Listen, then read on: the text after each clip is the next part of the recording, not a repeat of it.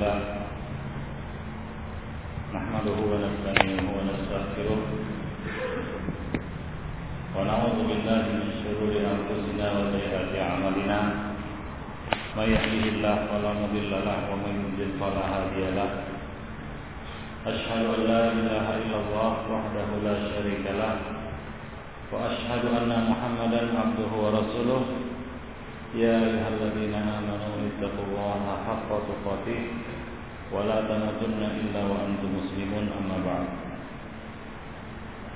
Ikhwan Fiddin Rahimani wa rahimakumullah Pada malam ini kita akan meneruskan Kajian kitab Qaulul Mubin. Pada pertemuan lalu kita telah membahas Masalah e, syarat menutup aurat di dalam sholat Yaitu meliputi e, pakaian yang sah yang boleh dipakai di dalam sholat, di mana e, salah satu penyebab rusaknya amalan kaum muslimin adalah tersebut mereka dengan pakaian orang-orang kafir hingga buah dari tasyabuh ini menyebabkan kerusakan di dalam hal menutup aurat di dalam salat. Di antaranya yang pertama kita bahas kemarin adalah salat dengan pakaian yang haziqah yaitu pakaian yang sempit hingga membentuk auratnya. Kemudian yang kedua adalah salat dengan mengenakan pakaian yang tipis hingga menampakkan apa yang ada di baliknya. Dan di dalam bab tersebut ya e, telah dibahas juga mengenai beberapa hal di antaranya adalah salat dengan mengenakan piyama ya salat dengan mengenakan piyama termasuk salah satu kesalahan orang yang salat adalah mereka mengenakan pakaian tidur ketika salat dan ini merupakan suatu perbuatan yang tidak etis kurang adab terhadap Allah Subhanahu wa taala memang salatnya tidak batal, ya, salatnya tetap sah, tapi ini dianggap kurang adab terhadap Allah Subhanahu wa taala. Ya, salat dengan mengenakan piyama. Salat dengan mengenakan piyama. Jadi e, beberapa perkara yang berkaitan dengan menutup aurat ini ada yang bisa membatalkan salat, seperti misalnya salat dengan aurat tersingkap, e, salat dengan e, pakaian yang menampakkan atau mensifatkan atau membentuk tubuhnya atau auratnya ya ini dapat membatalkan salatnya. Namun di sana juga ada yang tidak sampai membatalkan salatnya seperti salat dengan mengenakan piyama. Kemudian ikhwan kita akan meneruskan uh, kajian kita. Wa min bab kata beliau, poin kedua dari bab yang kedua adalah salatu ba'dihim fi thawbis satir lil jasadi dasdas raqiq yaitu salat mengenakan pakaian yang dapat menutupi seluruh badan ya satir lil jasad dasdas artinya lapang ya disebut dasdas. Akan tetapi tipis. Lapang tapi tipis. Disebut biasanya disebut dengan dasdas. Yasifu launul basyarah hingga dapat memperlihatkan warna kulit si pemakainya. Duna sirwalin tahtahu dan tanpa mengenakan celana. Yang dimaksud celana di sini adalah celana panjang, bukan celana pendek.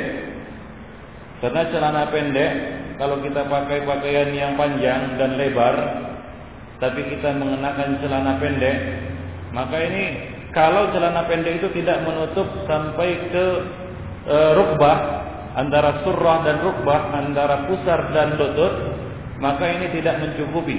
Belum dikatakan menutup aurat. Maka dikatakan di dalam catatan kaki warsil wasirwal al qasir tahta saub la mengenakan celana pendek di bawah baju artinya ya di dalam baju kita mengenakan hanya dengan mengenakan celana pendek saja itu tidak mencukupi. Layak fi kata beliau di sini ya. Layak jadi kalau misalnya kita pakai jubah jubah putih Ya, jubah putih sebagai jubah putih itu kadang-kadang kalau tidak mengenakan pakaian dalam itu nampak. Ya. Nah, jubah-jubah putih ini kalau dipakai hanya di dalamnya dengan mengenakan celana pendek itu belum cukup. Apalagi celana pendek itu ya tidak menutupi auratnya.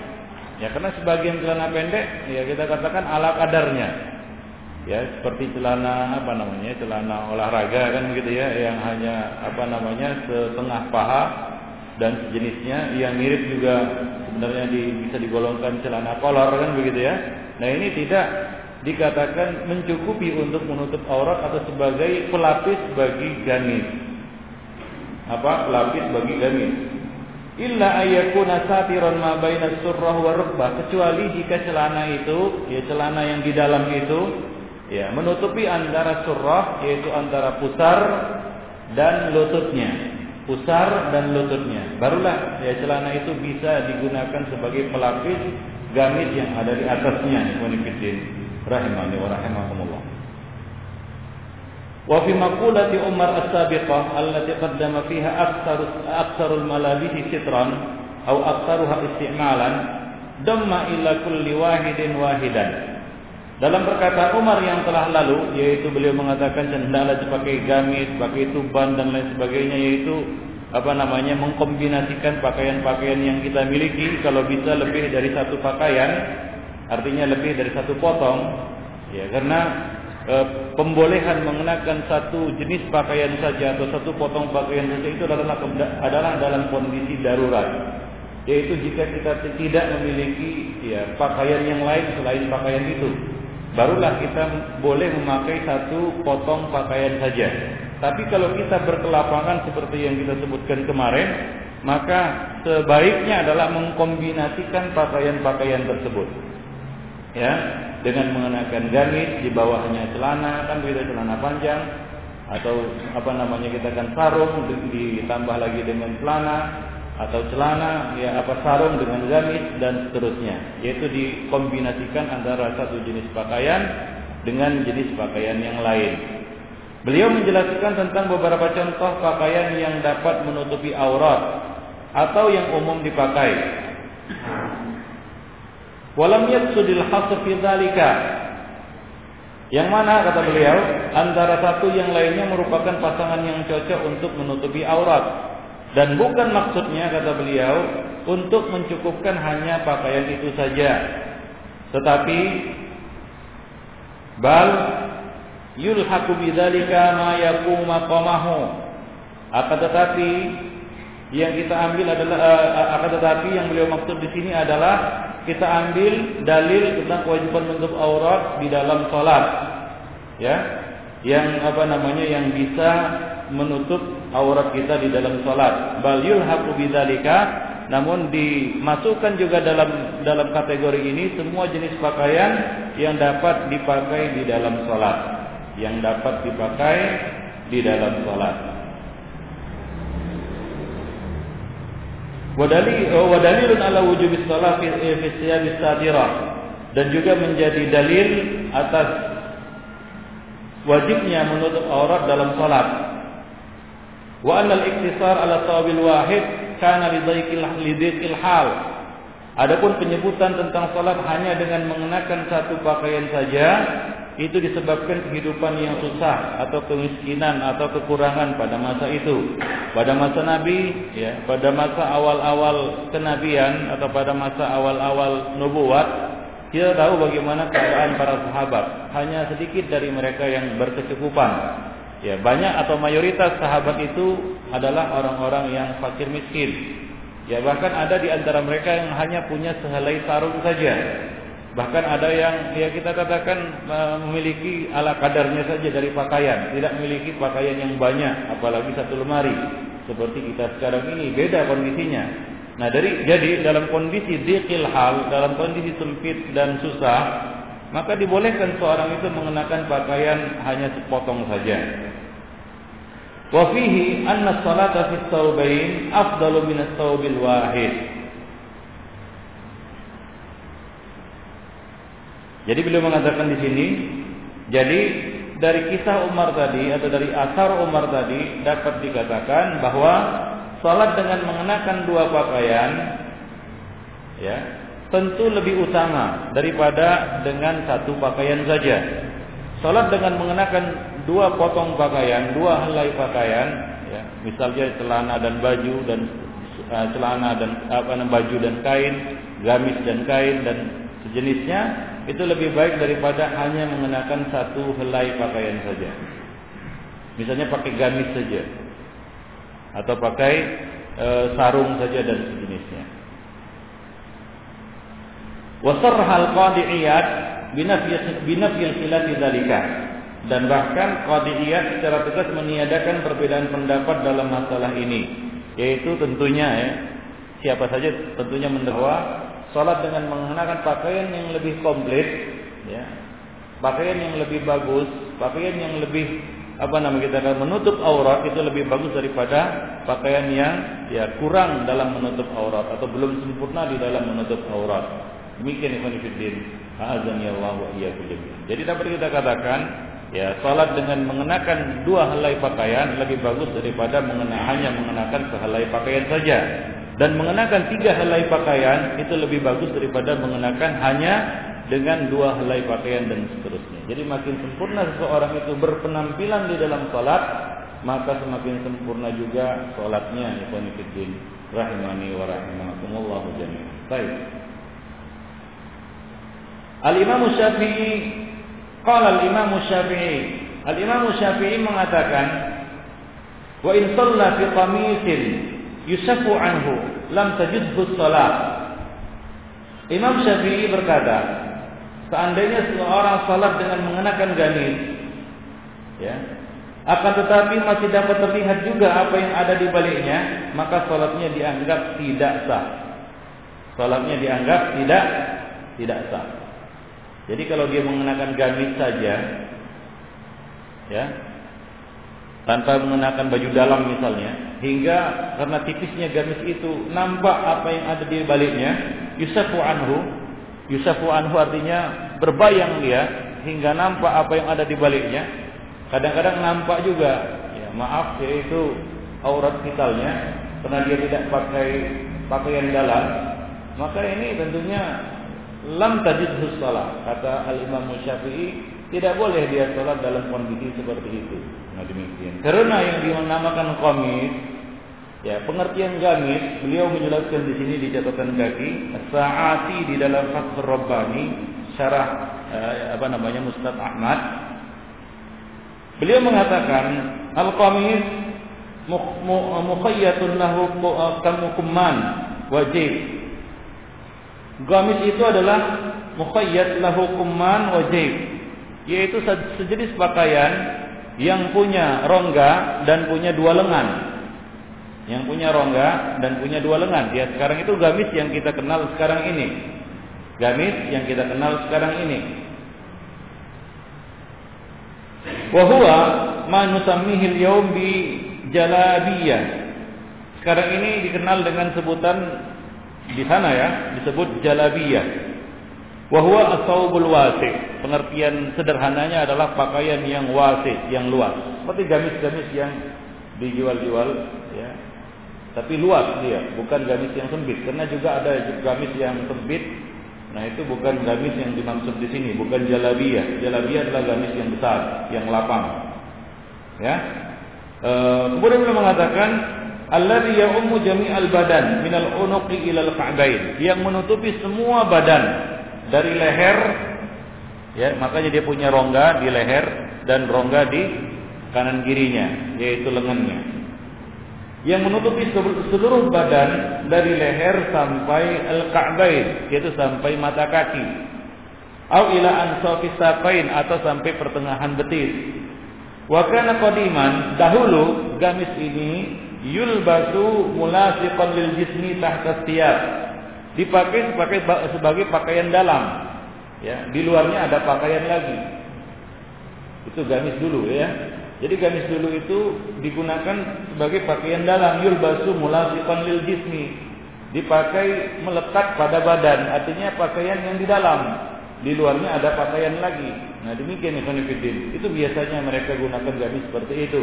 Tapi sekarang di Indonesia, terutama di Indonesia yang cuacanya tropis, ya agak panas, ya gamis-gamis di sini dan sekarang ini juga di negara-negara lain dipakai di ya, sebagai pakaian luar bukan pakaian dalam. Tapi masih ada ya di beberapa tempat di negeri Arab yang menggunakan gamis ini sebagai pakaian dalam. Yaman itu masih pakai di dalam dia. Di luar dia pakai jas atau pakai pakaian luar kan gitu ya, pakai rompi atau pakai jenisnya. Ya, jadi yang di dalam itu yang lengket di badan itu adalah gamisnya. Nah demikian. Itu asalnya. Tapi tidak penting itu, itu tidak penting di mana dia dipakai, apakah sebagai pakaian yang apa namanya pakaian dalam atau pakaian luar. Yang jelas tidak cukup hanya dengan gamis saja jika dia masih menampakkan apa yang ada di di baliknya. Jadi bagi antum yang punya gamis ya maka diperhatikan coba lihat. Ya pertama lihat bahannya. Ya karena masalah berbayang atau tidak itu ditentukan oleh bahannya. Dan warnanya biasanya ya warnanya. Jadi, warna gelap biasanya tidak berbayang. Kalau antum beli gamis warnanya gelap itu biasanya tidak berbayang. Ya tidak ber tidak berbayang.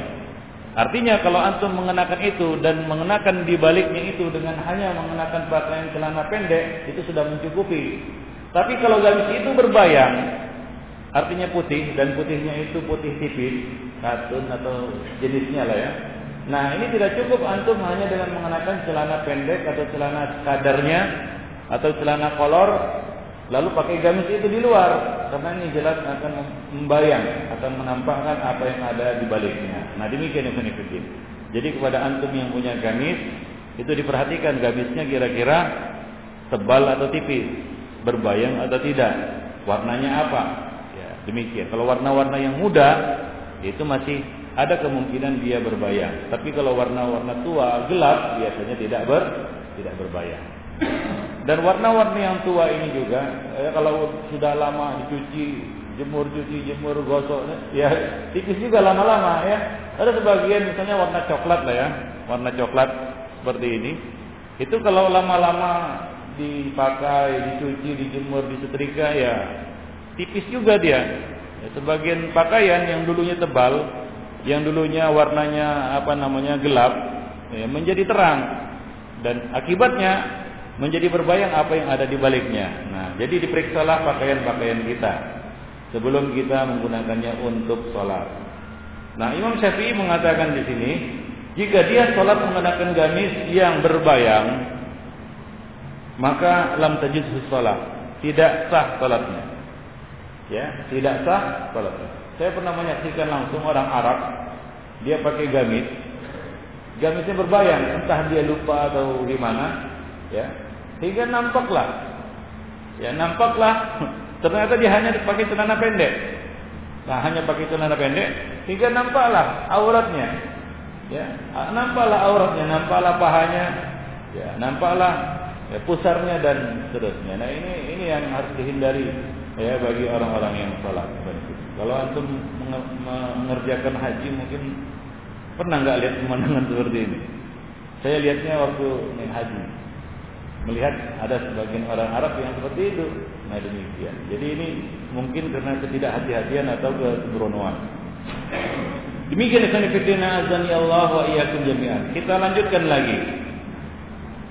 Itu poin yang kedua dari bab yang kedua. Poin yang ketiga, waqal dan Al-Imam Syafi'i juga mengatakan wal mar'ah fi dzalika asaddu halan minar rajul.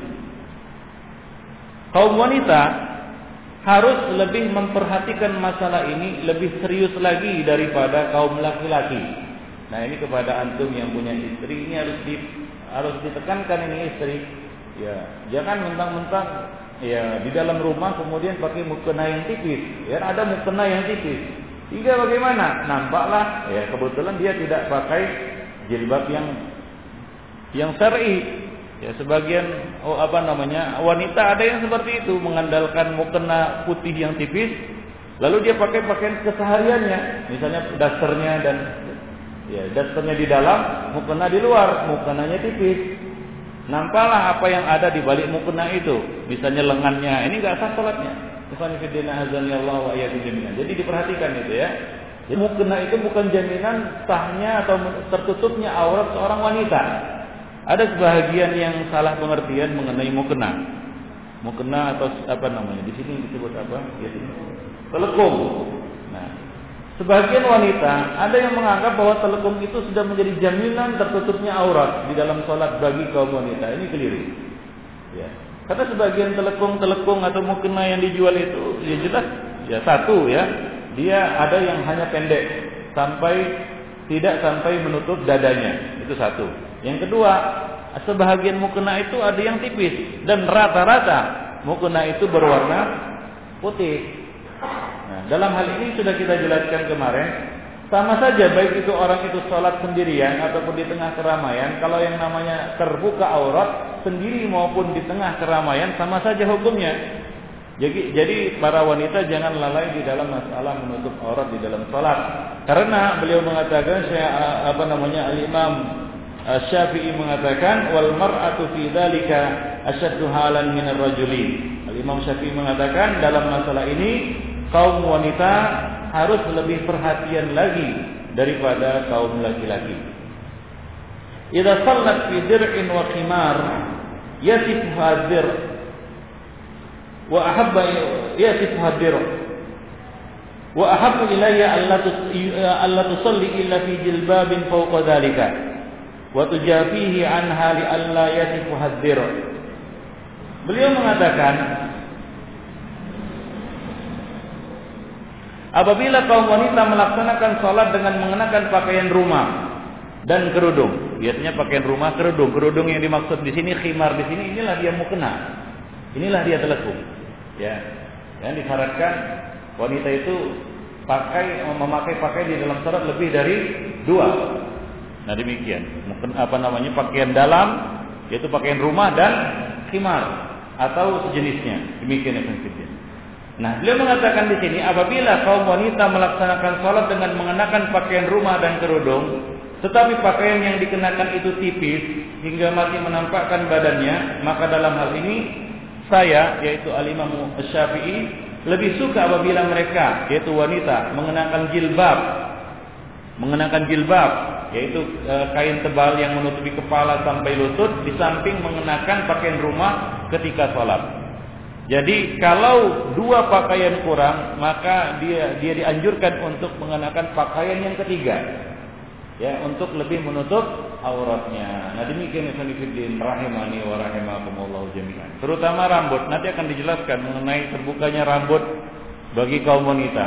Kaum wanita apabila mereka melalaikan hingga menampakkan rambut mereka di dalam salat, maka salat mereka tidak sah. Kecuali keluar nongol rambutnya itu tanpa diketahui, maafu, dimaafkan.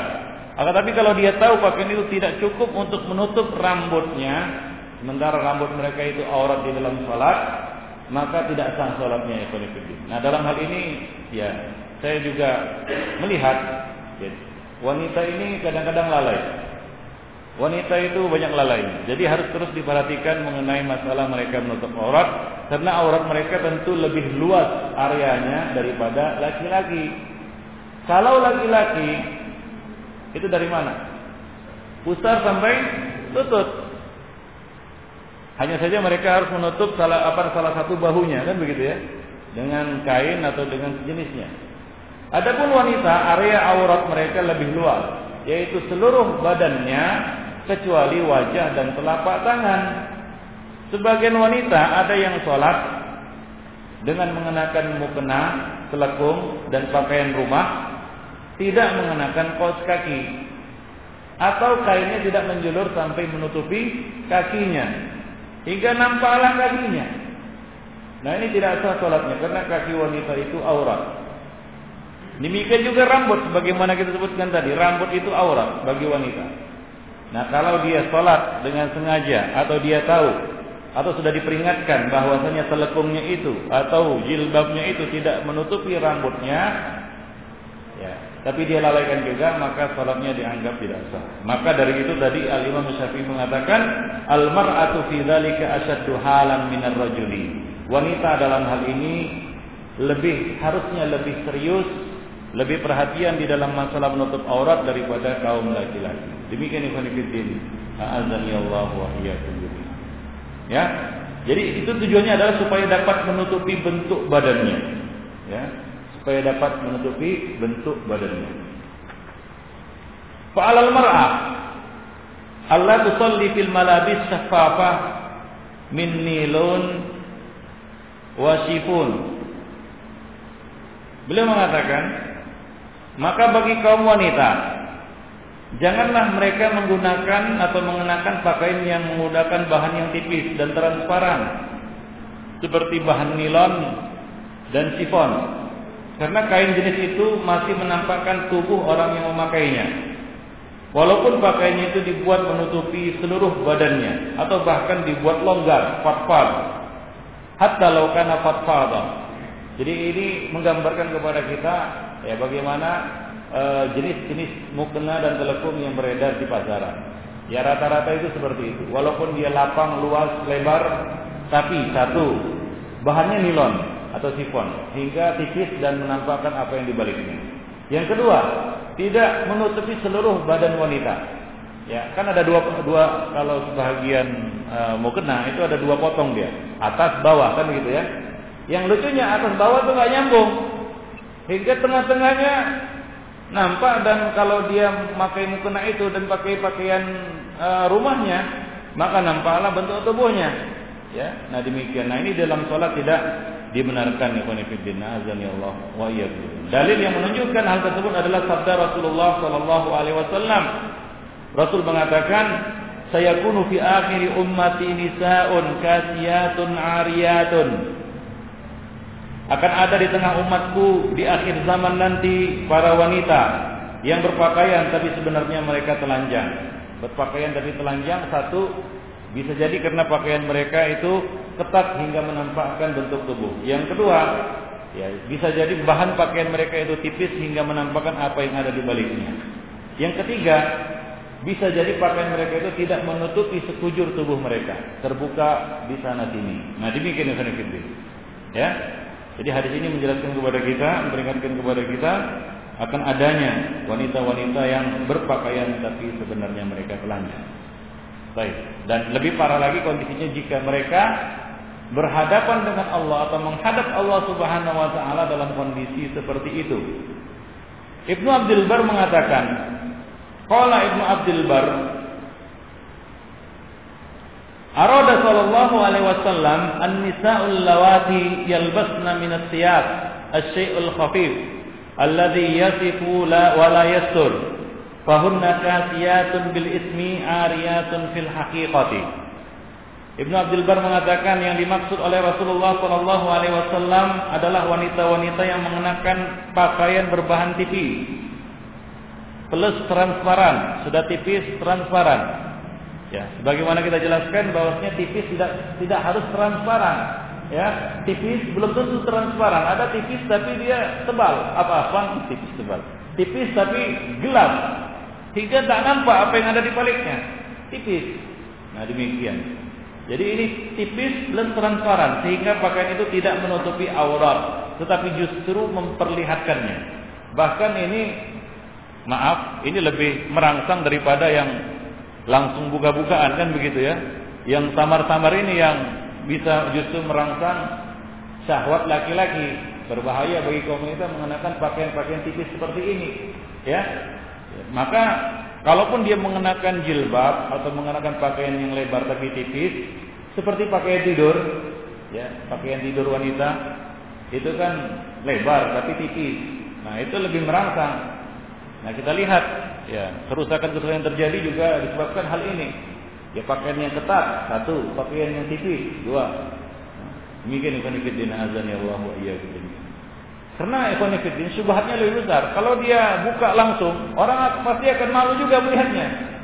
Tapi kalau tipis dan dan ketat tadi, ya masih ada peluang dan subhat alasan orang-orang untuk menyorotkan, wah kan dia pakai pakai baju kan gitu maka dipelototilah ya eh, wanita-wanita yang memakai pakaian-pakaian seperti ini.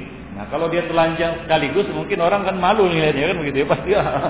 walaupun walaupun apa namanya ngintip-ngintip sedikit kan begitu. Tapi orang malu akan akan malu melihatnya kalau telanjang total kan begitu ya. Nah, kan tapi kalau kayak gini ini nah, lebih apa namanya? ya besar lagi subhatnya. Maka Rasul mengatakan kasiyatun ariyat. Rasulullah tidak menyinggung ariyatun. Ada di akhir zaman, ada. Dan disebutkan dalam hadis-hadis yang lain tentang orang-orang yang telanjang pada pada akhir zaman. Ada yang telanjang, tapi di sini Rasulullah menyorot wanita-wanita yang berpakaian tapi telanjang. Nah ini adalah satu sifat yang lebih daripada orang yang telanjang, ya, berpakaian tapi telanjang. Demikian Nah ini yang di, diperingatkan oleh Rasulullah karena daya rusaknya ternyata lebih besar. Ya, mereka ini yang mengenakan pakaian seperti itu, ya, mereka hanya berpakaian secara lahiriah saja, namun hakikatnya mereka telanjang. Ya. Secara nama saja mereka berpakaian. Oh, udah pakai pakaian. Tapi hakikatnya mereka telanjang. Wa an Hisham bin Urwa anna al-Munzir bin Zubair qadima min al-Iraq fa arsala ila Asma binti Abi Bakar bi kiswa min thiyabin marwiyah wa quhiyah min natiji kuhistan nahiyatu bi nahiyatun bi khurasan riqaqun itaq ba'da ma kaffa basaraha ba'da ma kaffa basaruha qal falamasatha bi yadiha thumma qalat uf ruddu alaihi kiswatahu ruddu alaihi kiswatuhu. Qal fashaqqa dhalika alaihi. Wa qal ya umma innahu la yushaf. Qalat innaha illam illam tushaf fa innaha tafif. Nah ini riwayat dari Hisam bin Urwah. Hisam bin Urwah mengatakan sesungguhnya ketika Al-Mundir bin Az-Zubair datang dari Irak, ia mengirimkan kepada Asma binti Abi Bakar sebuah pakaian yang terbuat dari kain tenun hasil kerajinan daerah Khohistan, yaitu satu wilayah di pinggiran kota Khorasan atau daerah Khorasan, Iran sekarang ini, dari Iran. Khohistan, Khorasan di Iran yang sangat lembut lagi halus. Lembut lagi halus. Ini terjadi setelah Asma binti Abi Bakar menderita kebutaan, yaitu sudah apa namanya? hilang pandangannya, yaitu sudah apa namanya? sudah uh, buta, begitu. Ia pun meraba kain itu karena nggak bisa melihat dengan matanya, ia raba kain itu dengan tangannya. Lalu mengatakan, "Oh, kembalikanlah pakaian ini kepadanya." Artinya Asma tidak mau memakainya. Padahal dia buta, ya, tapi dia raba ini kayaknya tipis. Ragu dia, maka dia suruh pakaian itu untuk dikembalikan kepada kepada yang memberikan, yaitu uh, Al-Mundir bin Zubair. Fasaqqa dzalika alaih. Roy mengatakan hal itu membuat Al-Mundir kecewa karena hadiahnya dikembalikan. Ya, hadiahnya dikembalikan atau pemberiannya dikembalikan. Dan ia pun mengatakan, ia pun menjelaskan kepada Asma binti Abi Bakar, wahai ibu, ya ini karena Al-Munzir ibn Zubair masih punya hubungan ya dengan Asma binti Abi Bakar, ya neneknya. Nah demikian Ibn. Ya Ummah, innahu la yusab. Al-Munzir berkata, wahai ibu, sesungguhnya pakaian ini tidaklah tipis. Ya, tidaklah transparan. Asma mengatakan pakaian itu walaupun tidak tipis tapi dapat memperlihatkan bentuk tubuh orang yang memakainya. Yasifu illam yusaf walakin yasif. Walaupun dia tidak tipis akan tetapi dia menampakkan apa yang ada di baliknya. Ya, walaupun dia tidak transparan tapi dia dapat mensifatkan ataupun menampakkan memperlihatkan bentuk tubuh orang yang memakainya. Demikian itu. Wa qala Safarini fi Ghadail Albab Idza kana libas khafifan yubdi liriqatihi wa adami sitratihi aurata labisihi min dzakarin aw unta fadzalika mamnu.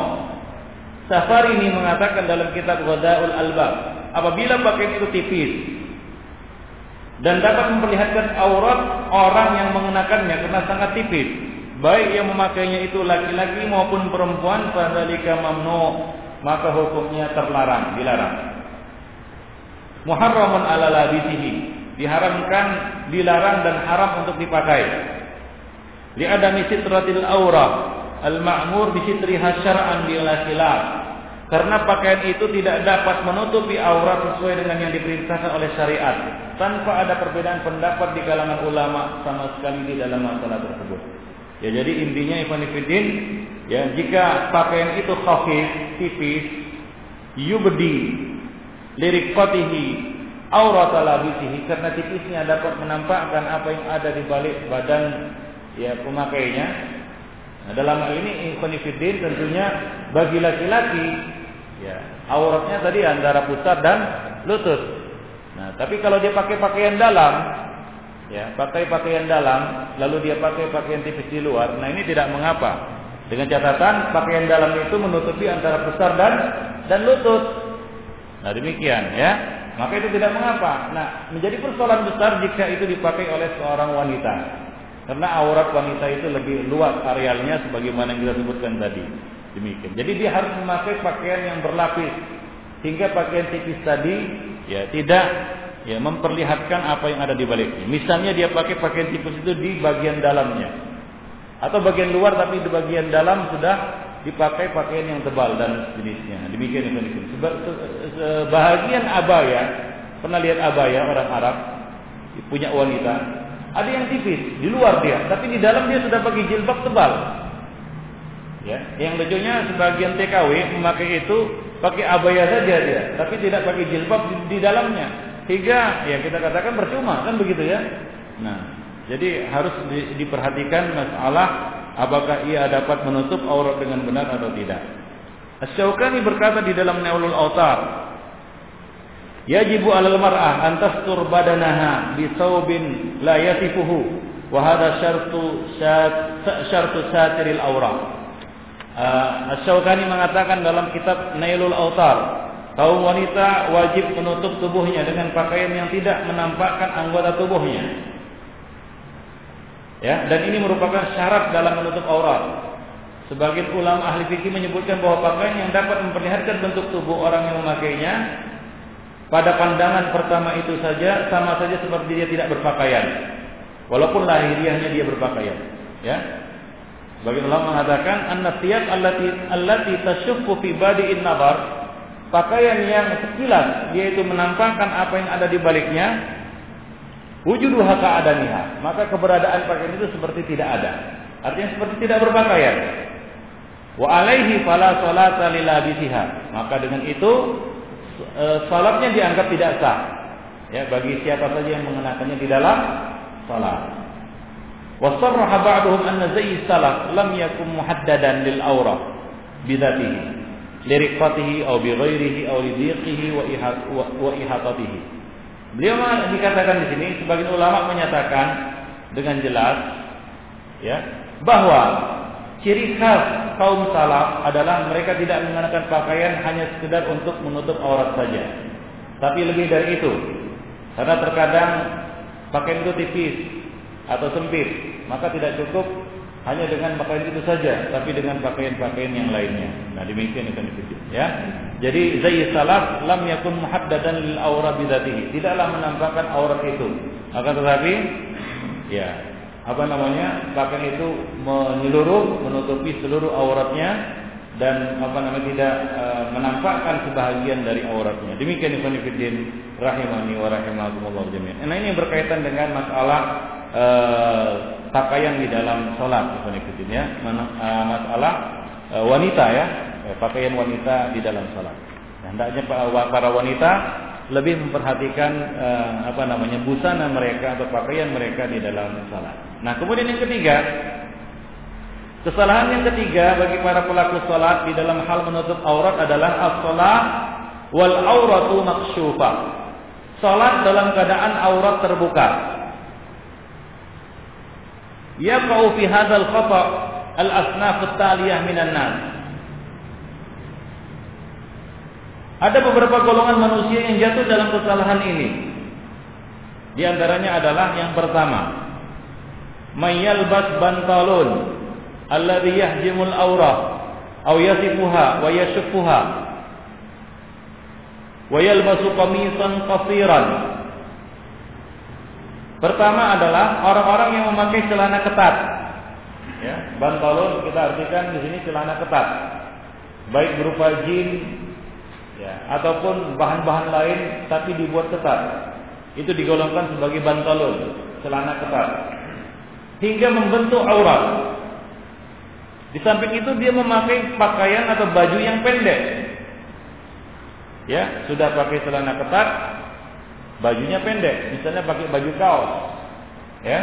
Bagaimana apa yang terjadi? Orang yang mengenakan pakaian seperti itu ketika mereka rukuk ataupun sujud, maka terangkatlah baju itu dari celana. Sehingga menampakkan pinggulnya atau sebahagian dari auratnya.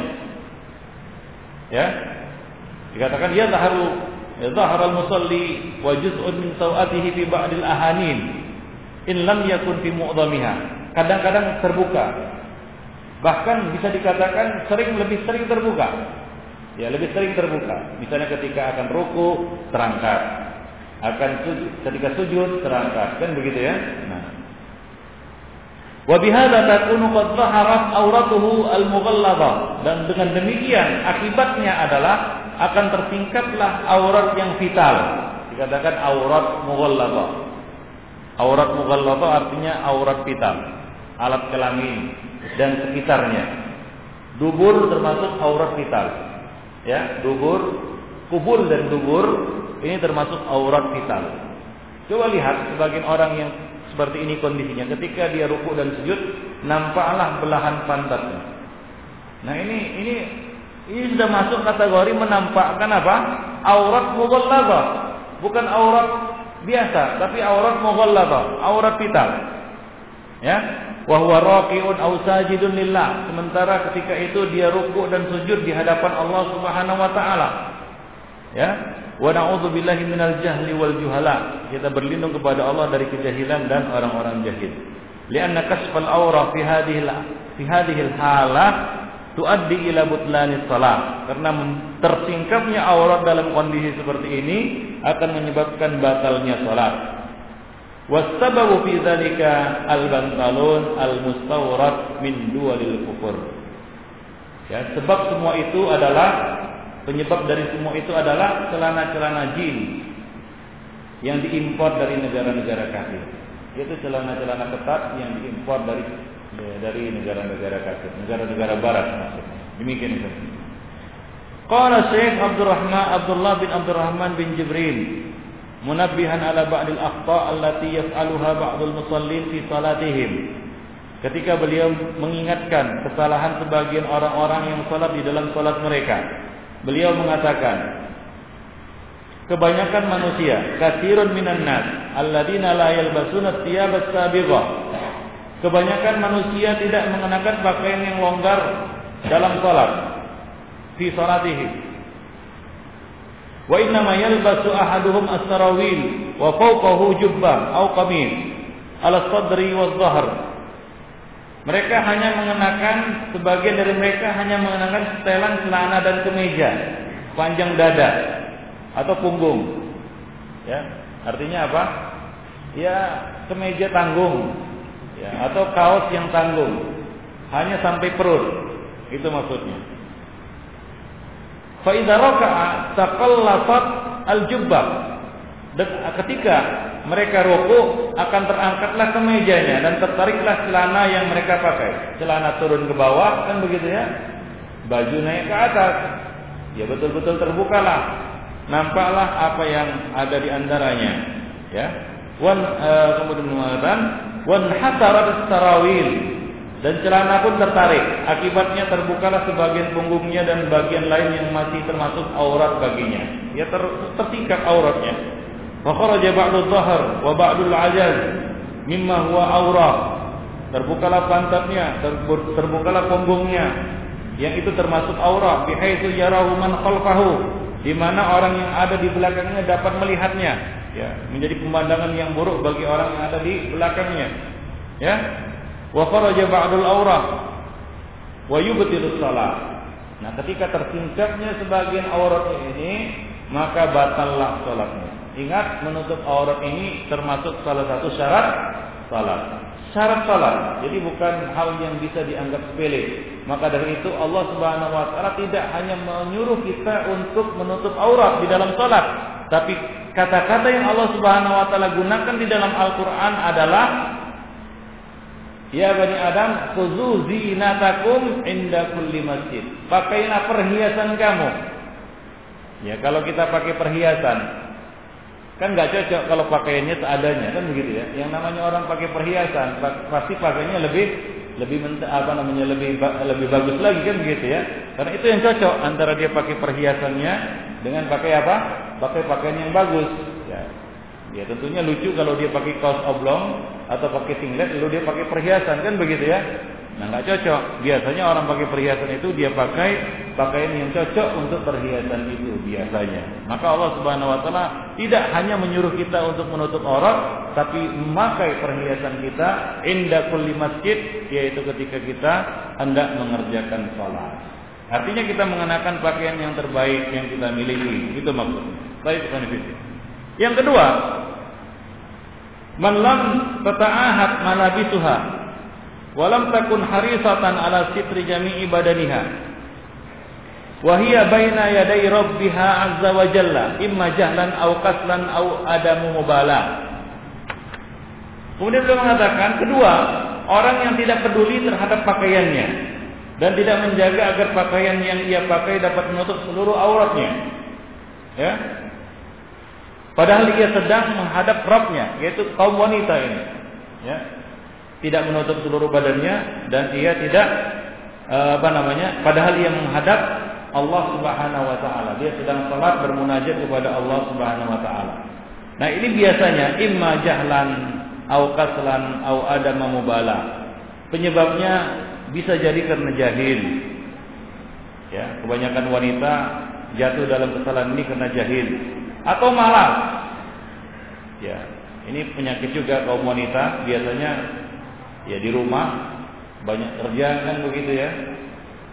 Tiba waktu sholat banyak kerja, sedang masak kan begitu ya, sedang nyuci atau sedang jaga anak, kesibukan-kesibukan lainnya. Ya. Akhirnya bagaimana?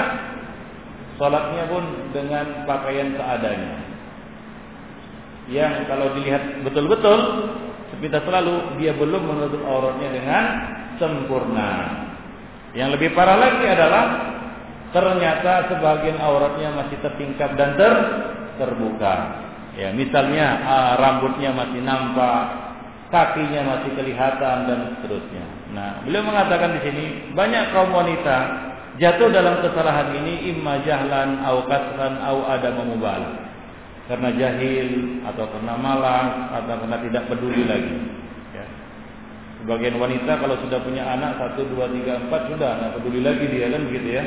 Ya, dengan alasan sibuk mengurus rumah, sibuk mengurus suami, sibuk masak, sibuk jaga anak dan lain sebagainya, maka seolah-olah sholat pun boleh seadanya, kan begitu ya dengan pakaian rumah, kadang-kadang dengan pakaian yang masak, yang bau dan seterusnya. Baik. Penyebabnya satu lagi adalah mereka merasa eh, yang kita ingatkan tadi sebagian uh, wanita merasa selekung atau mukena itu sudah jadi jaminan tertutupnya aurat. Nah ini salah. Kita harus mengkoreksi beberapa jenis selekung ya. Bahkan banyak jenis selekung yang belum dapat dikategorikan menutup aurat bagi pemakai ini. Baik, itu yang harus diperhatikan Dan ini merupakan juga kewajiban para suami. Ya, hendaklah memperhatikan apa ibadah istrinya. Dia cek bagaimana kondisi ibadah istrinya. Bu ampusakum wa ahlikum naro. Hendaklah kamu perhatikan dirimu dan keluargamu. Keluargamu di sini adalah anak dan istri dari api neraka. Saya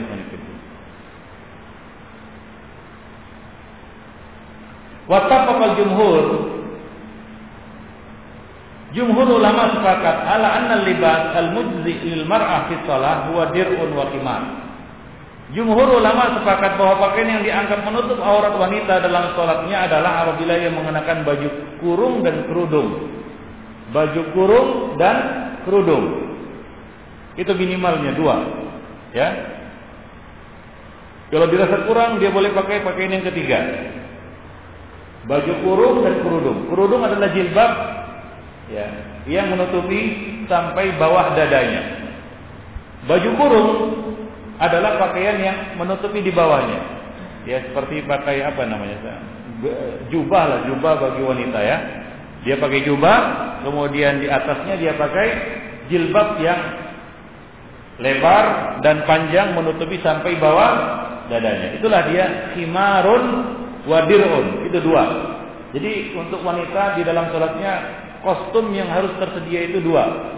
Baju kurung, ingat pengertian baju kurung adalah yang menutupi dari leher ya sampai bawah, sampai bawah, yaitu sampai e, kakinya tertutup. Ya kemudian apa? Kemudian telekung atau kerudung atau jilbab yang menutupi sampai bawah dadanya. Kalau dirasa jika baju kurungnya itu tidak bisa menutupi kakinya, maka dia dianjurkan memakai kaos kaki. Nah, ini harus jadi perhatian. Karena baju kurung yang dimaksud di sini, dirak. Yang dimaksud di sini adalah dirak yang menutupi sampai kakinya. Rasulullah memerintahkan untuk memanjangkan satu jengkal. Dari apa? Dari tengah betis. Satu jengkal dari tengah betis itu sampai bawah ya, sampai tertutup mata apa namanya? bawah mata kaki yaitu telapak kaki. Nah, kemudian mereka minta sampai kalau gitu masih terlihat ya Rasulullah, maka panjang lebih dari itu. Yaitu satu satu hasta lebih dari itu. Hingga ada zilnya, ada ekornya. Nah, demikian ya Fariduddin. Azan ya Allah wa iyyakum. Itu kalau masih terlihat. Nah, zaman sekarang ini ada apa namanya kaos kaki. Ya, jadi kaum wanita kalau merasa baju kurungnya belum cukup untuk menutupi kakinya, maka dianjurkan atau sangat ditekankan bagi mereka untuk mengenakan kaos kaki di dalam sholat. Ya, biasanya itu akan kelihatan ketika dia uh, apa namanya sujud ya, sujud dan duduk di antara dua sujud atau duduk di dalam sholat. Nah itu biasanya nampaklah telapak kakinya kan begitu ya. Jika ya apa namanya e, baju kurungnya itu panjangnya tidak mencukupi ya tidak menutupi sampai kakinya nah demikian Fiddin azan ya Allah wa iyyakum ini yang perlu diperhatikan ya nah kemudian beliau mengatakan faqad tadkhulu ihdahunna fi shalah wa sya'ruha wa juz'un minhu aw min aw min sa'idiha aw saqiha wa huwa maqsud Wahinaidin fa'alaiha inda jumhuri ahli ilm an tu'ida fil waqti wa ba'dahu. Nah ini yang harus kita perhatikan ya wanita. Beliau mengatakan di sini, terkadang ada seorang wanita yang salat akan tetapi sebahagian rambut atau lengan atau betisnya terbuka atau kakinya terbuka. Apabila keadaannya seperti itu, maka menurut jumhur ahli ilmu, ia harus mengulangi sholatnya saat itu juga atau sesudahnya. Nah demikian. Ya, ingat ya rambut ini disebutkan makanya saya katakan tadi di sini saya menegaskan rambut tidak boleh nampak. Ya. Oh Ustaz bagaimana kalau ter, terlihat tersingkap lain hal lain hukumnya tersingkap yang ter-ter ini ya memang namanya tanpa sengaja ya Ya kadang-kadang juga kakinya karena misalnya tertiup angin kan gitu ya nampak. Tapi ini ya harus segera ditutupinya karena asal sudah tertutup.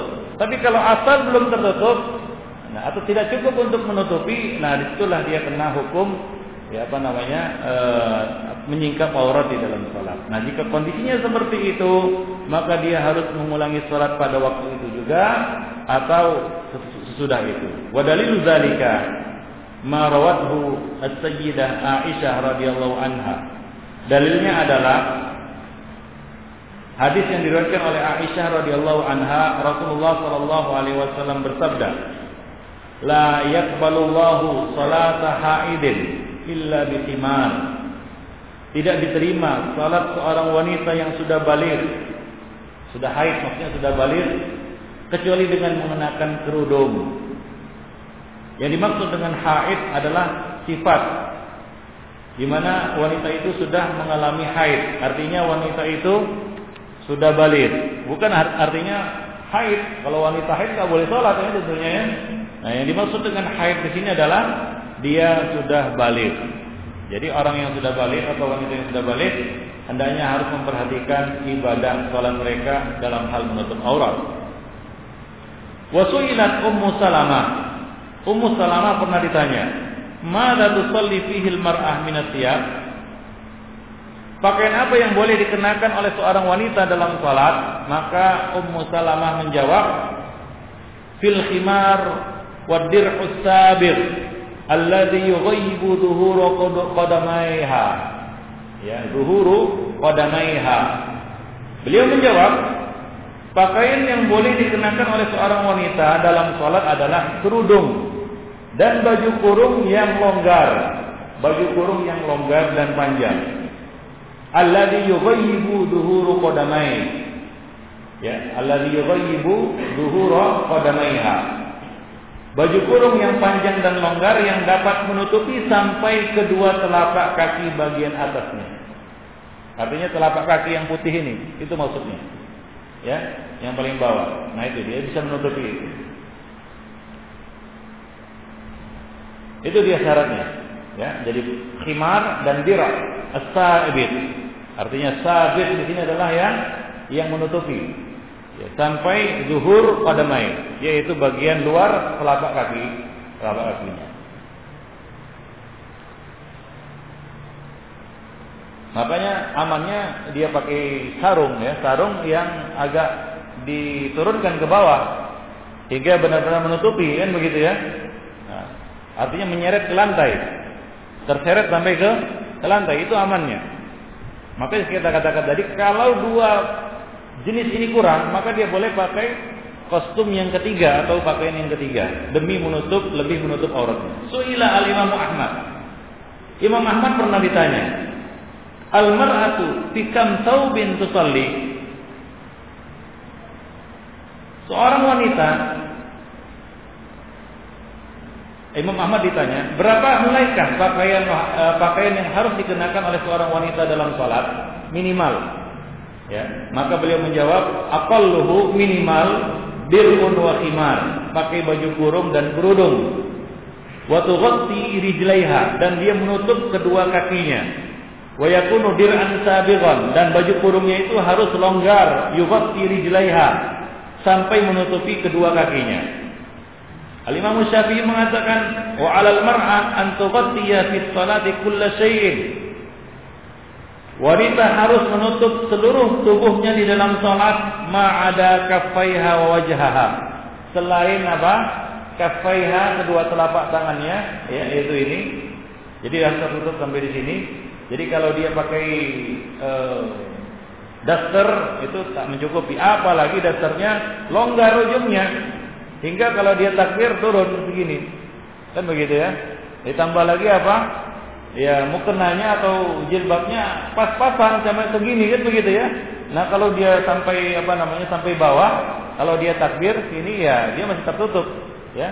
Tapi kalau yang cuma segini ya apa namanya lengannya juga longgar ketika takbir turun segini. Nampaklah lengannya yang putih kan begitu ya. Nah ini tidak dikatakan menutup aurat. Ikhwan fillah azani Allah wa iyyakum jami'an. Jadi harus menutup seluruhnya ya kecuali kedua telapak tangannya dan wajahnya wa qala aidan beliau juga mengatakan wa mar'ah aurat semua bagian tubuh wanita itu aurat kecuali kaffaiha wajha, kecuali wajah dan telapak tangannya. Kecuali wajah dan telapak tangannya. Wa zahra wa zahra qadamaiha auratun dan telapak kakinya juga termasuk aurat. Wa idzan kasafa min ar-rijli fi salatihi shay'un mimma baina surrati uh, wa idzan kasafa min ar-rajuli fi salatihi shay'un mimma baina surratihi wa rukbatihi Wa min al-mar'ati fi salat shay'un min syi'riha qalla aw kathur min jasadiha siwa wajhiha wa kaffaiha wa ma yalil kaf min mawdi'i mafsiliha wa wa la ya'luhu ilman aw la alima aw lam ya'lama a'ada salati ma'an. Beliau mengatakan di sini Imam Syafi'i mengatakan kaum wanita harus menutup seluruh anggota badannya kecuali telapak tangan dan wajahnya. Beliau juga mengatakan seluruh anggota badan wanita adalah aurat kecuali telapak tangan dan wajahnya, bagian atas uh, wajahnya, kemudian bagian atas telapak kakinya juga termasuk aurat. Apabila ketika sholat tertingkat anggota badan yang ada antara pusat dan lutut bagi laki-laki dan bagi wanita apabila tertingkat rambutnya baik sedikit maupun banyak, kata Imam Syafi'i, sedikit maupun banyak. Atau bagian apa pun selain wajah dan telapak tangannya sampai pergelangan tangannya, kemudian mereka tidak menutupinya, ya, disadari atau mereka tidak menyadarinya, maka mereka harus mengulang sholatnya. Mereka harus mengulang sholatnya. illa ayakuna tangkasifa birihin kecuali itu tersingkap karena kehembusan angin aw atau melorot nah itu uh, kita katakan kondisi-kondisi uh, kita uh, tidak tidak lazim ya. Misalnya ter, tertiup angin dia tersingkap. Nah ini di, dimaafkan. Tapi kalau pada dasarnya itu tidak menutup aurat dan tidak cukup untuk menutup aurat lalu tersingkap maka dia harus mengulang sholatnya. Pada saat itu atau sesudah waktunya. Nah, demikian Ibnu Fiddin rahimani wa rahimakumullah jami'an berkaitan dengan menutup aurat bagi wanita di dalam sholat mereka. Baik. Nah, demikianlah ya uh, masalah uh, yang ketiga dari kitab ini yaitu salat dalam kondisi aurat tersingkap baik itu laki-laki maupun perempuan jika tertingkap auratnya di dalam salat ya karena kelalaiannya bukan karena faktor-faktor luar seperti tersingkap karena tertiup angin atau karena melorot ya karena putus talinya dan itu kan kondisi tidak lazim kita katakan itu dikecualikan nah, jika tersingkap karena kelalaiannya ya tersingkap auratnya karena kelalaiannya di dalam menutup aurat maka salatnya tidak sah ya dan dia harus mengulanginya dan menyempurnakan ya penutupan auratnya. Nah demikian Ibnu Fiddin, azan ya yang dan itu berlaku bagi laki-laki maupun perempuan. Dan perempuan kata Imam Syafi'i harus lebih memperhatikan lagi masalah menutup aurat mereka karena aurat mereka lebih luas. Maka dari itu syarat mereka juga minimal dua jenis pakaian yaitu dirun baju kurung yang besar menutupi sampai kedua kakinya dan khimarun yaitu telekung ataupun jilbab yang menutupi sampai ya kedua apa namanya sampai di bawah e, dadanya. Nah, demikian Ibnu Nah, berikutnya kita akan membahas tentang salatu musbilil izar. Salat dengan kondisi atau dalam keadaan ya pakaiannya terjulur sampai di bawah mata kaki atau isbal. Baik. Demikian itu. Ya, ada yang bertanya? Ya.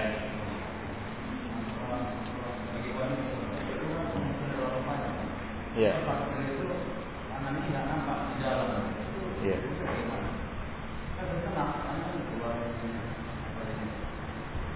Ya. Enggak apa-apa. Enggak masalah.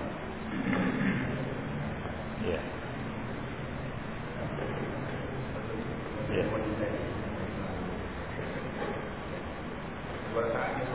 Ya. Hah? Nampak kakinya. Nah. Ya. Kalau kita ingatkan dia dia dia dia ya. macam seperti dia nampak apakah dia mengulang sholat itu bagaimana? Ya, ini ada dua dua dua kondisi. Yang pertama kondisi ya seperti katakan tadi, ingkasafa birihin au sakta. Ingkasafa birihin kata Imam Al Imam Syafi'i tadi apa? Ingkasafa birihin au. Artinya pakaian itu tersingkat sudah menutup aurat bagus ya sesuai dengan prosedur ya. Dia sudah pakai dirak yaitu baju baju kurung yang panjang menutupi sampai kakinya kan begitu ya Sebelum dia mulai sudah dia persiapkan sesuai dengan prosedur syar'i. Dia sudah pakai kerudung kan begitu ya, sudah dia baguskan hingga rambutnya tak nampak. Dia kan? Sudah bagus kondisinya, dia masuk sholat dalam kondisi auratnya sudah tertutup dengan sempurna. Nah di dalam sholat apabila tertingkat maka diingatkan. Nah, diingatkan bagi yang tahu, diingatkan. Nah dia boleh langsung menutupnya dan tidak perlu mengulangnya. Ya. Yang mengulangnya, ya, yang wajib mengulang adalah orang yang masuk dalam sholat dalam kondisi auratnya belum tertutup dengan sem sempurna.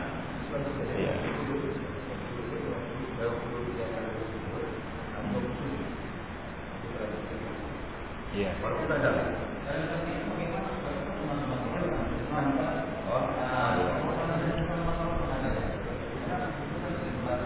Oh, ya kita nggak bisa melihatnya dia di belakang ya nggak tahu. ya gimana mau lihat dia? Makanya sebelum dia masuk sholat itu diperhatikan kostumnya. Ya, kostumnya. Nah, kalau di di apa namanya? diperkirakan biasanya ya sering terbuka kakinya maka suruh pakai kaos kaos kaki aman. Kan begitu ya pakai kaos kaki. Nah, demikian nah kalau sering melorot jilbabnya ya kan longgar sudah lama longgar kan gitu ya pakai penutup di dalamnya kan begitu ya menutup menutup rambutnya begitu pakai kaos tangan atau kaos sapu tangan kemudian baru pakai jilbab kan begitu ya aman. Jadi seorang tentunya tahu lah bagaimana dia menutup auratnya dengan sem sempurna. Jangan ada kelalaian di situ. Artinya dia tahu kalau dia ruku akan tersingkap, dia pakai juga. Nah ini ya tentunya dia belum sempurna di dalam menutup aurat ketika masuk sholat. Nah jika tersingkap itu kelalaian dia, dia harus mengulang. Nah, demikian. Ya.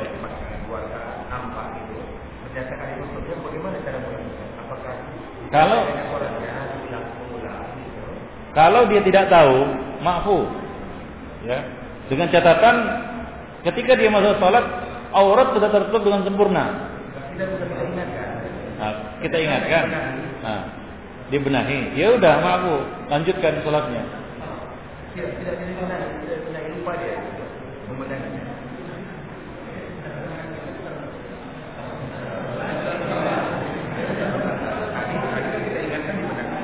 Ah. Nah, ini ternyata lupa dia membenahinya karena kita ingatkan lupa dia membenahi. Ya lupa, lupa gimana lupa? Berarti boleh tak kalau Ya lupa dia, gimana? Tapi dengan catatan ya, ya, yang jadi ukuran itu ketika dia masuk sholat auratnya sudah tertutup dengan sempurna itu dia paham maksudnya nah jangan masuk sholat dalam kondisi pakaiannya belum sempurna. Ya bisa jadi karena kejahilan atau kemalasan atau ketidakpedulian. Lalu dia sholat. Ya. Nah ini ini ini harus mengulang dia, diingatkan dan di, di, diberitahu kemudian dia mengulang sholatnya. Artinya dia mengulang sholatnya dengan kostum yang yang lebih sempurna begitu, dengan pakaian yang lebih sempurna.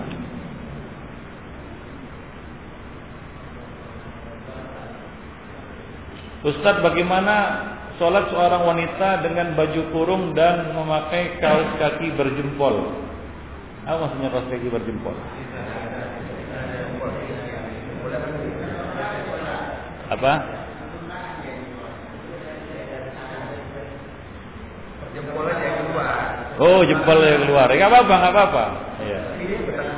Iya, kaki. Itu, itu itu lebih menutup sebenarnya. Karena tidak disyaratkan kaos kaki bukan syarat. Tapi untuk lebih menutup, lebih bagusnya pakai kaos kaki. Ya. Artinya, kalau seorang itu sudah mengenakan dirun wa khimar, itu sudah memenuhi prosedur syar'i. Baju kurung dan kerudung sudah dipakainya dengan ketentuan sampai menutup kakinya, ya. Itu sudah mencukupi. Nah, kalau dia sempurnakan lagi supaya aman dia nggak tersikap-sikap dia pakai kaos kaki yang berjempol maupun yang tak berjempol, Walaupun kaos kakinya jempol semua gitu. Artinya jarinya muncul semua gitu. Ya nggak apa-apa.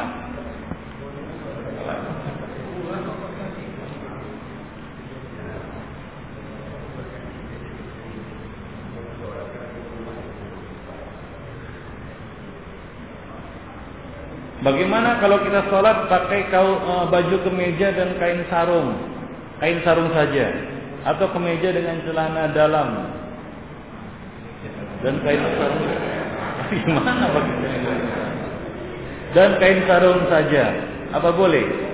Ah, apa ini baju kemeja dan kain sarung saja. Baju kemeja kain sarung. Ya boleh lah.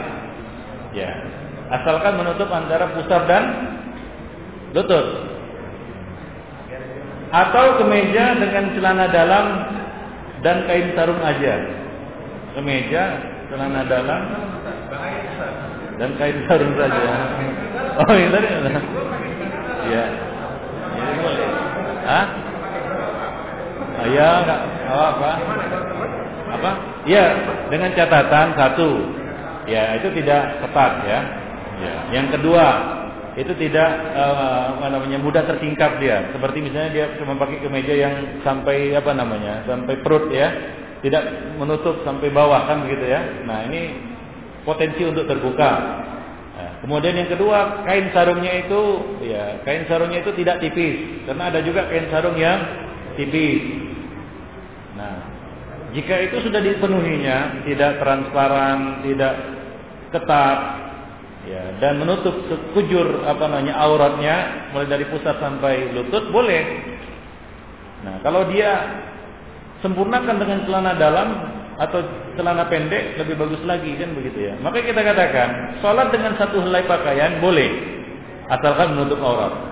Dengan dua helai pakaian lebih bagus lagi, kalau dia pakai tiga helai pakaian, ya lebih sempurna lagi kan begitu ya. Makin sempurna seorang itu sholat dengan kostumnya, ya dalam menutup aurat maka sempurna juga sholatnya.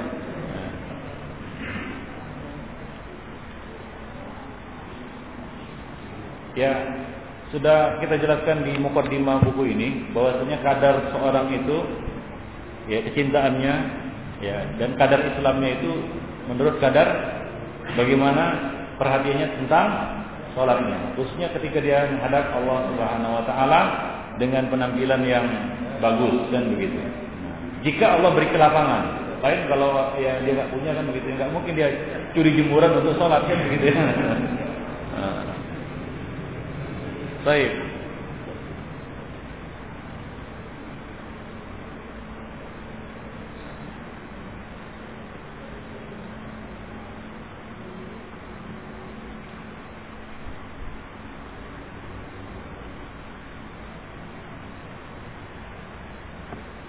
Ada lagi yang ingin tanya? Ya.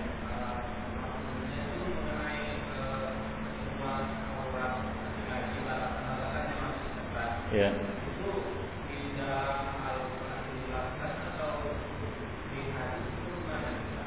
Ya di dalam hadis.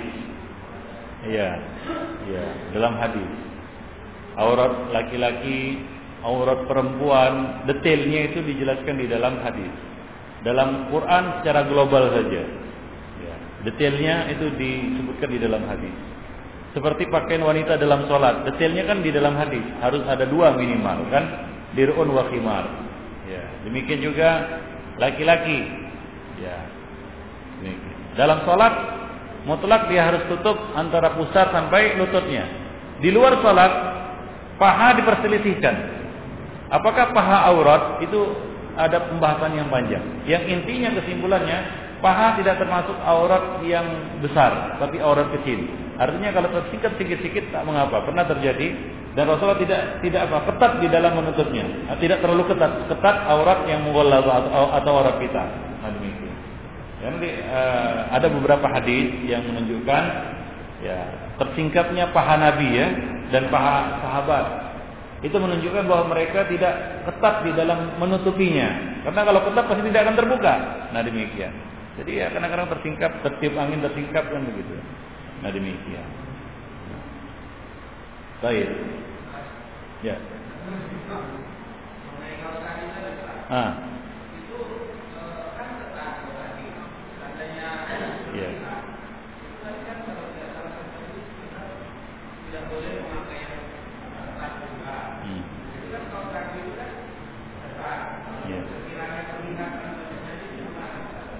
Iya, itu kan pakaian yang ada di dalam. Kaos kaki itu di dalam dia. Artinya, ya ada pakaian luar yang menutupinya. Kan enggak pakainya diangkat tinggi kan begitu eh, setengah lutut, kemudian dia pakai kaos kaki. Nah, ini ya jelas itu tergolong ketat. Ya. Tapi kalau dia pakai kaos kaki di dalam bajunya, artinya tertutup dengan bajunya, dia pakai untuk lebih menutupinya, ya untuk lebih maka boleh maka boleh. Ya. Kalau ada seorang wanita sholat hanya dengan mengenakan dua pakaian syari ini, dirun wa khimar, sah sholatnya, sah. Tapi kalau dia tambah lagi dengan kaos kaki, maka lebih bagus. Ya. Itu minimal. Wanita harus dua. Kalau pria boleh satu ya. Sehelai boleh dia. Tapi wanita nggak boleh sehelai. Dia harus minimal dua. Demikian.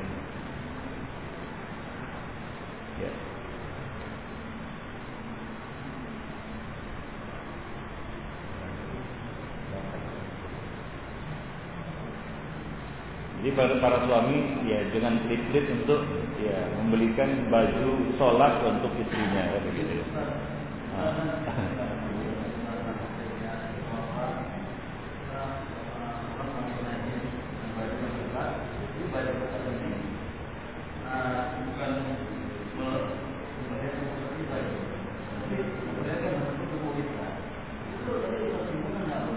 Ya.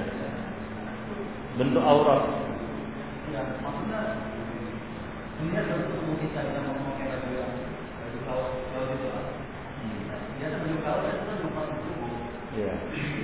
Bukan bilang tetap tapi dia nampak apa Ya, kalau menampakkan otot dada nggak apa-apa. tapi ke ah, iya. Iya, iya, iya, iya, iya. Pasti nampakkan untuk tubuh kita. Kalau Iya, satu. Ya tentunya sholat dengan mengenakan pakaian ketat. Ya, itu ada dua macam. Ketat, ya, ketat, tapi tidak men, apa namanya e, menampakkan aurat, kan begitu ya. Nah ini Ikhwanifidin, ya termasuk kalau yang nampak itu, ya hingga uh, kalau ketat itu hingga menampakkan aurat vitalnya, ya auratnya, misalnya bokongnya, maka tidak sah seperti orang pakai pakaian apa namanya eh, celana ketat itu ya hingga nampak betul-betul lekuk bokongnya nah ini tidak sah seperti ini. Enggak bentuk bokongnya bentuk bokong. Bokong kan aurat ya. Atau bentuk depannya itu kan gitu ya apa bentuk depannya itu nampak kan gitu ya. Ini enggak enggak betul gabut gabut enggak sah. Iya. Paham maksudnya bentuk bentuk aurat.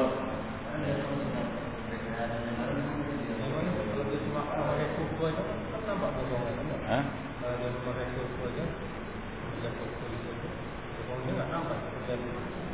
Apanya? Kalau ya kalau kalau celananya ketat nampak. Ya makanya dibuat longgar. Ya celananya dibuat longgar.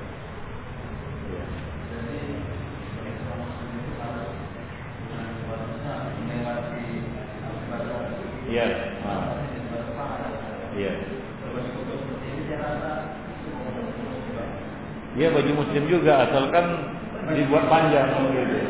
Hah?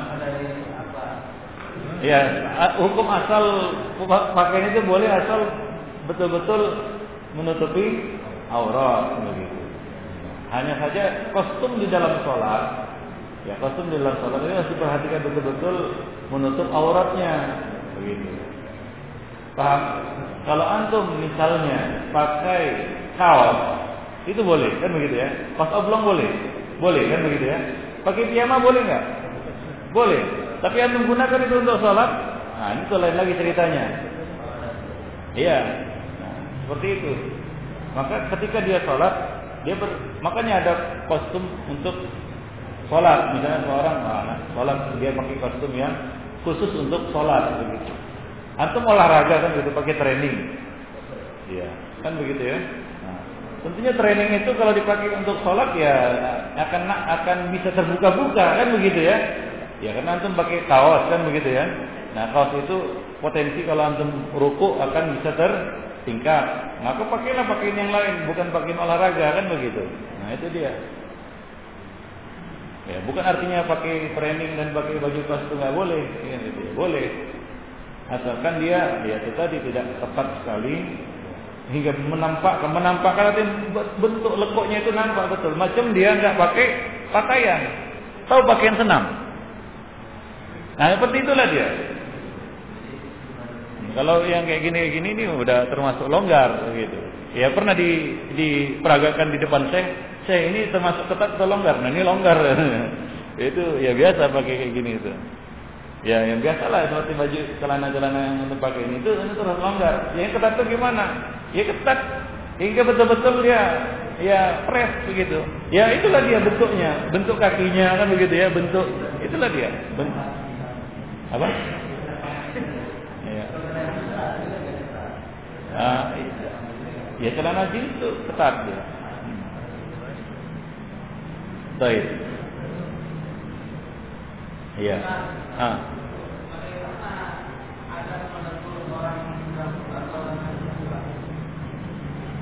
Ya bilang aja.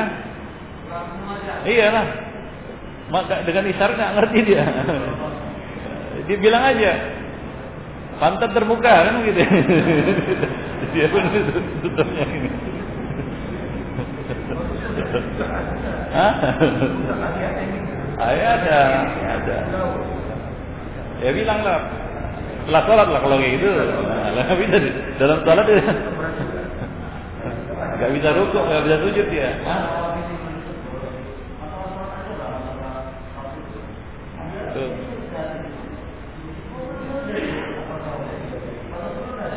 Ya, kewajiban kita cuma mengingatkan. Kalau kita sudah mengingatkan sudah gugur. Eh, ajian kemarin di, di Mukaddimah sudah dijelaskan bahwasanya dosa bagi kita jika kita tahu tidak kita tegur ya. Artinya kita juga kena bagian dari dosanya. Tapi kalau sudah kita tegur maka sudah. Artinya apa? Gugurlah kewajiban kita. Nah demikian. Ya. Jadi sekali lagi para suami jangan pelit-pelit untuk melengkapi kostum istrinya. Baik kita ini ada satu sebenarnya lupa lewat ya. Ya tentang yang ketiga, al-aba alladzina yalbasun yulbisuna abna'ahum as-sarawil al-qasira wa yuhdirunahum al-masajid. Bapak-bapak yang membawa anak-anak mereka dengan mengenakan pakaian yang pendek, celana pendek dan apa ini sebenarnya nggak boleh kata saya di sini. Ini kesalahan bukan kesalahan anak, tapi kesalahan bapak. Nah ini masalah adab juga ya, tidak menyangkut tentang sah dan tidaknya sholat. Ya, karena anak-anak kan cuma latihan aja itu kan begitu ya, latihan aja, sholatnya kan nggak hitung juga. Cuma adab. Hendaklah mereka menghadirkan anak-anak mereka ke masjid dalam keadaan aurat mereka tertutup. Demikian. Ya, baik itu dia.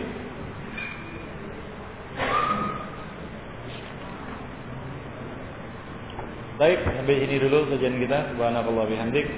Asyhadu an la ilaha illa anta astaghfiruka wa atubu ilaik.